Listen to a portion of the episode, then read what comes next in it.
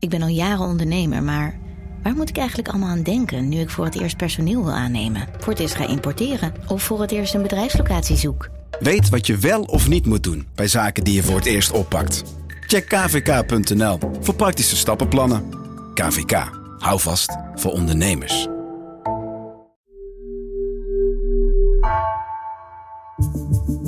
Vanaf de redactie van NRC het verhaal van vandaag. Mijn naam is Egbert Kalsen.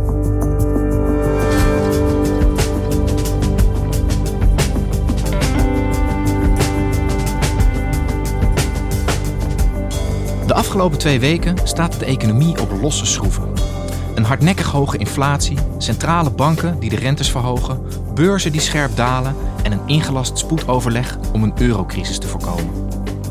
De economische situatie, zoals we die de afgelopen jaren zagen, gaat eindelijk veranderen, zegt economieredacteur Maarten Schinkel.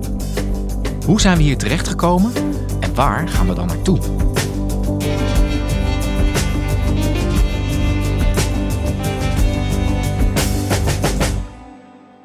Maarten, de afgelopen weken hing eh, de geur van wilde beesten, ook de economieredactie bij NRC. Het was heel spannend. De economie die lijkt zich na twee jaar pandemie en eh, de oorlog in Oekraïne ja, op een keerpunt te bevinden, zouden we misschien wel kunnen zeggen.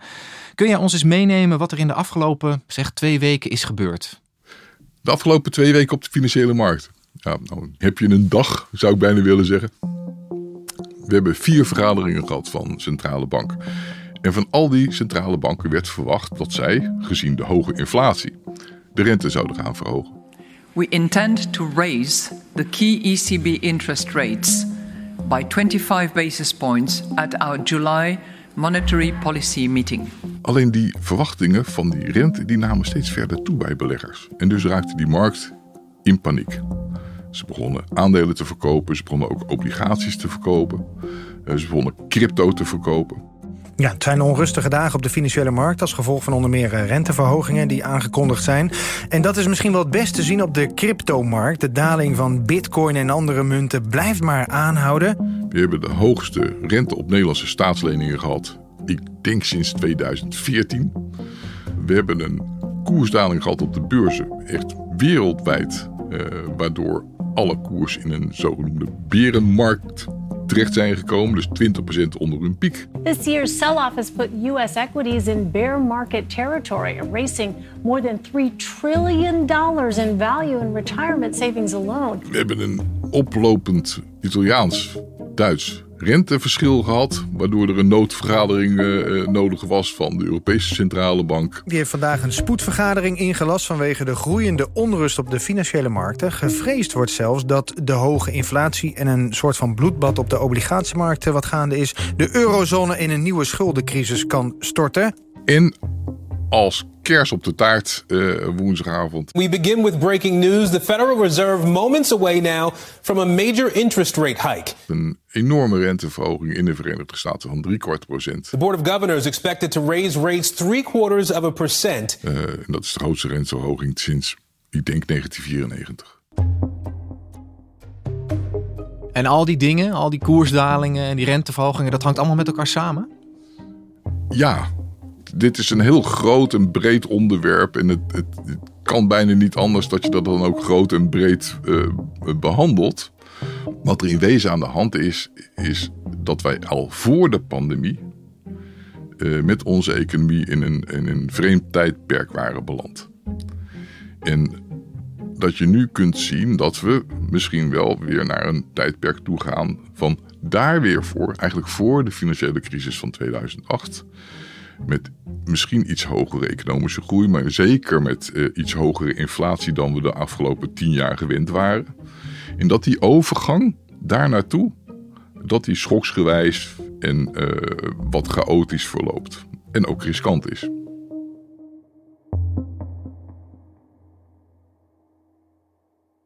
Goed, dus we zitten, we zitten eigenlijk in een periode waarin de kaarten opnieuw geschud worden, zou je mm -hmm. kunnen zeggen. Kun jij eens uitleggen hoe we hier terechtgekomen zijn? Waarom staan we nu op dit punt? Je moet eigenlijk terug naar de crisis van 2008.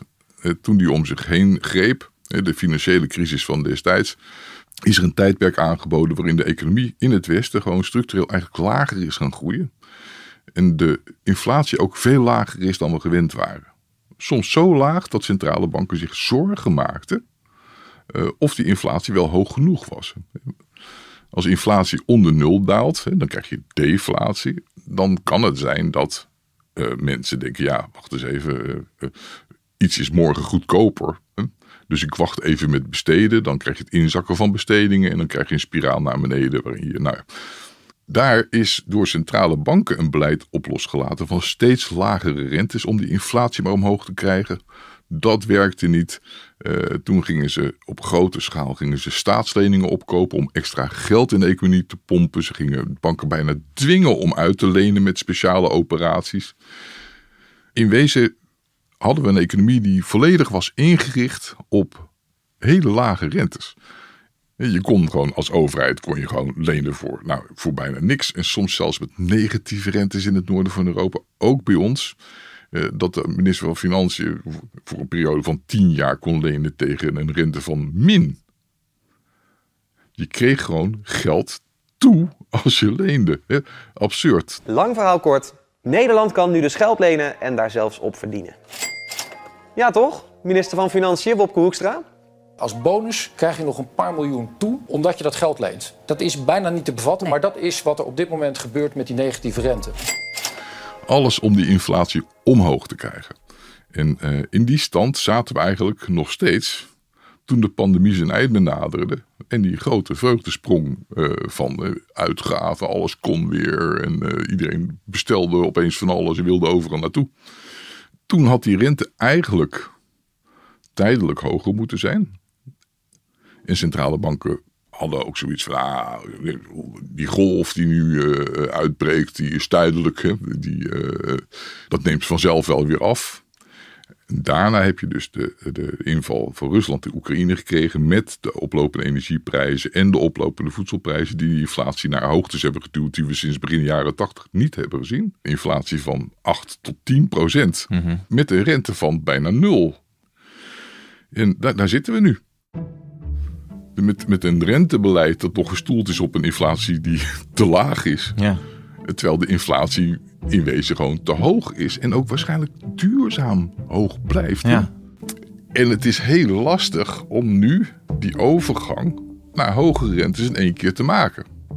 Zeker zonder paniek te veroorzaken op de financiële markten, waar alles een andere prijs moet gaan krijgen. Omdat de rente gewoon anders is dan vroeger. Ja, dat zou je met recht uh, het einde van het tijdperk kunnen noemen. Alles krijgt een andere prijs, wat jij zegt. Mm. Op, op welke gebieden zie je dat nou de economie aan het veranderen is... als gevolg van dat ingrijpen van die centrale banken, dat verhogen van die rente? Um, dat gaat heel langzaam. Maatschappelijk gaat het ontzettend heel langzaam. Uh, er is eigenlijk maar één sector die in staat is om heel snel te reageren. Dat zijn, dat zijn de financiële markten, dat zijn beleggers. Die zie je altijd het snelst reageren. Het overheidsbeleid dat gooit niet heel snel om. Huizenprijzen die doen er als een olietanker uh, een tijd over om, om van koers te veranderen. Maar op de financiële markt is alles acuut. Men loopt soms zelfs een beetje op de zaken vooruit. En dat is ook het karakter van, uh, van de financiële markten.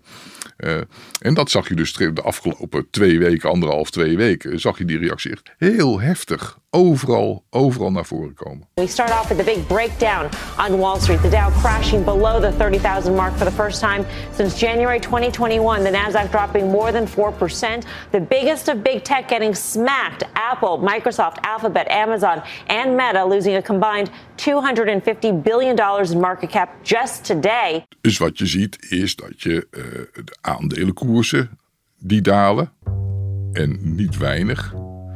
Je ziet de koersen van bedrijven die heel rentegevoelig zijn. En dat zijn bedrijven eigenlijk waar een groot deel van de winst nog in de toekomst moet worden gemaakt. Veel techbedrijven.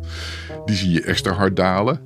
Uh, je ziet uh, de koers van Bitcoin of Ether. Die zie je nog harder dalen.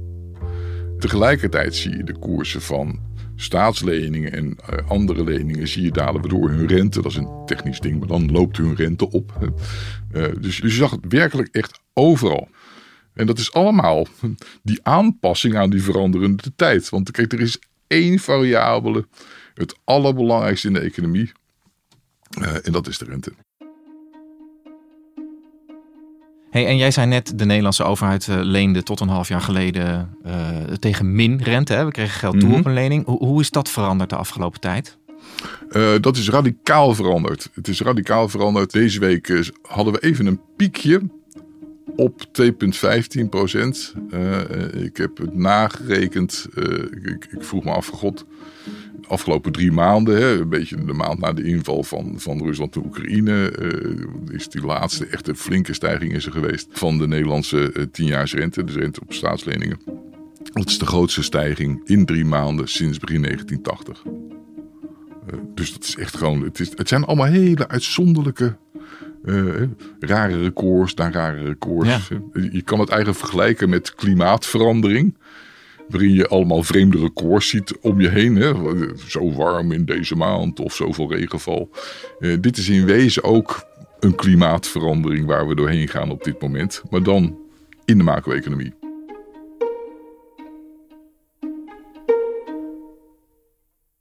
Ja, en tegelijkertijd hebben we vorige week een debat in de Tweede Kamer gehad over de voorjaarsnota. Mhm. Mm -hmm. Wat is jouw indruk? Hebben ze het al een beetje in de gaten in Den Haag? Nee. Nee, dat ging echt over de details en over ja, gewoon boos zijn voor de camera. Je kent het wel. En, uh, maar niet over van, wacht eens even, hè, regering. De tijden zijn veranderd. Misschien zijn die tientallen miljarden en, de miljarden voor speciale fondsen voor bijvoorbeeld klimaat- of energietransitie. Of, uh, misschien moeten we daar nog eens over nadenken. Hoe we die financieren. Want het is heel goed dat die fondsen er zijn. Maar ze waren er nu zonder dat daar enige dekking tegenover hoefde te staan. Dat kon je gewoon vrij uitgeven of zo. Um, en dat is natuurlijk niet meer het geval. Je moet iets gaan laten om dat te kunnen doen. Nou, dat is echt gewoon, ja, ik geloof niet dat daar, dat daar de afgelopen zes jaar überhaupt over is nagedacht. En jij zei aan het begin dat de rentes nu overal oplopen. Hè? We hebben het net over de Nederlandse rente gehad. En jij noemde ook um, het probleem wat de ECB, de Europese Centrale Bank, dan heeft met de verschillen binnen Europa. Hoe zit dat dan? Hoe is bijvoorbeeld de, de, de rente in Italië opgelopen sinds dit allemaal in beweging is gekomen? Wat je ziet is dat als de rentes oplopen in Europa, dus in de eurozone, hè, alle landen van, uh, van, die de euro hebben ingevoerd samen. Als de rentes oplopen, dan lopen de rentes van zwakkere landen uh, extra op. Je moet je een beetje voorstellen, je hebt een, uh, je hebt een elastiek met knoopjes erin. En elk knoopje is een euroland. Nou, als dat elastiekje slap is, zitten die knoopjes heel erg dicht bij elkaar. Dat is een lage rente. Op het moment dat je die rente gaat verhogen en je rekt het elastiekje uit, neemt de afstand tussen al die knoopjes onderling uh, neemt toe. En dat is wat je nu ziet. Je ziet dat de Duitse rente stijgt, maar de Italiaanse rente stijgt nog veel meer. En zo kon het dat afgelopen dinsdag de, het renteverschil tussen Duitsland en Italië dat die 2,5% werd. En dat is een soort van alarmfase, zeg maar. Een, een, een niveau waarop uh, beleidsmakers zeggen... nou, nu moeten we misschien toch wel iets gaan doen. En als gevolg daarvan werd die noodvergadering van de Europese Centrale Bank op woensdag ook ingesteld. Ja, want wat hebben ze daar dan precies besloten? Niets. Niets? Nee. nee. maar ze hebben wel gezegd, we gaan versneld onderzoeken naar een instrumentarium om daar iets aan te doen. Nou, dat vond de markt al heel erg geruststellend. Dus uh, de, de druk ging er toen wel een beetje af. Maar het zal ongetwijfeld een discussie veroorzaken. De hele oude discussie die er al is sinds de euro er is. Van ja, wacht eens even. De noordelijke landen zeggen, wacht.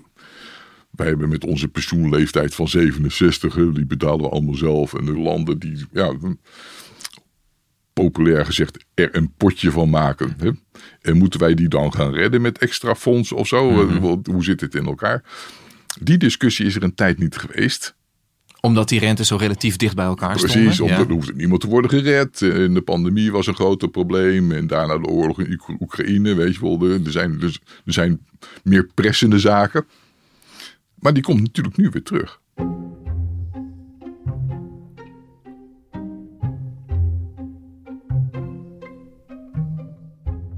Maarten, jij werkt al uh, nou, 25 jaar bij ons op de economieredactie, als het niet meer is. 30. 30 jaar bij ons op de economieredactie. Uh, als je dit nou een beetje in historisch perspectief probeert te plaatsen, hè, waar zitten we nu naar te kijken? Hoe groot is dit? Uh, het flauwe antwoord is, dat valt nog te bezien. We hebben als uh, journalist hebben natuurlijk de financiële crisis meegemaakt van 2008. Die was echt zonder precedent. Ik kan me niet voorstellen dat het zo erg wordt nu. Maar er is wel echt een verandering aan de gang. En uh, dat is misschien ook een verandering waarin de waarde van dingen echt duurzaam verandert. Dat we niet meer alle verschijnselen zien waar we aan gewend waren. Dat je als je een huis kocht, dat je gegarandeerd in prijs steeg. Dat zijn misschien ook wel dingen waar je afscheid van moet nemen. Uh, het geldt voor de overheid. Hè. Het, uh, het, dat men gewoon weer gewoon, ja, moet gaan uh, bezuinigen wat men elders graag liever meer uitgeeft. En het geldt ook, denk ik, voor ons mensen. Het is niet zo goed voorstelbaar op dit moment. Maar er kan natuurlijk een tijd komen dat de werkloosheid oploopt. En dat er een hele generatie mensen is die opeens merkt dat ze niet automatisch gewild zijn. Of dat ze niet kunnen zeggen, doe maar maar drie dagen in de week. Dat is natuurlijk ook een hele maatschappelijke verandering waar je misschien rekening mee moet houden. Zo zijn er heel veel aspecten die een rol spelen. En als laatste zou ik willen noemen de, de rol van de, van de staat in de samenleving. Wat je, eh, wat je ziet bij een recessie. En wie weet krijgen we die, dat weten we natuurlijk niet. De tijden zijn onzeker. Dat iedereen toch weer iets meer gaat kijken naar de staat als reguleerder. En dat zien we al bij het klimaat. Daar speelt de staat natuurlijk een rol. We zien het bij defensie. Hè? Heel actueel speelt, het, speelt de staat natuurlijk ook al een grotere rol. Uh, dus het zou me niks verbazen als we uh, misschien terugkeren naar een grotere herwaardering van de overheid in de samenleving en in de economie.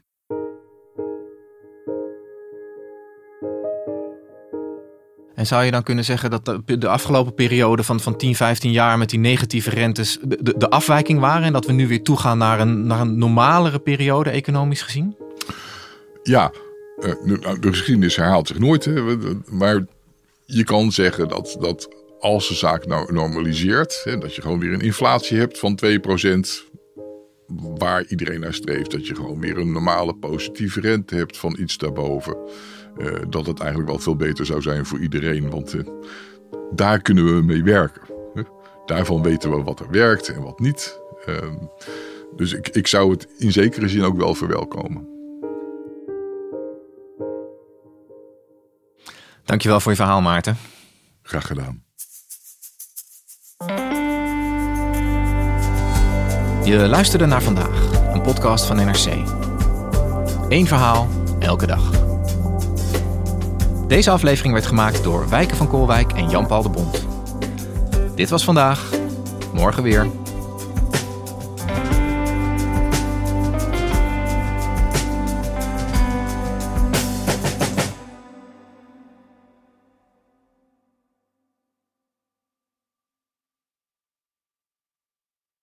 Technologie lijkt tegenwoordig het antwoord op iedere uitdaging. Bij PwC zien we dit anders. Als we de potentie van technologie willen benutten, kunnen we niet zonder een menselijk perspectief. Human-led, tech-powered noemen we dat. Ga naar pwc.nl.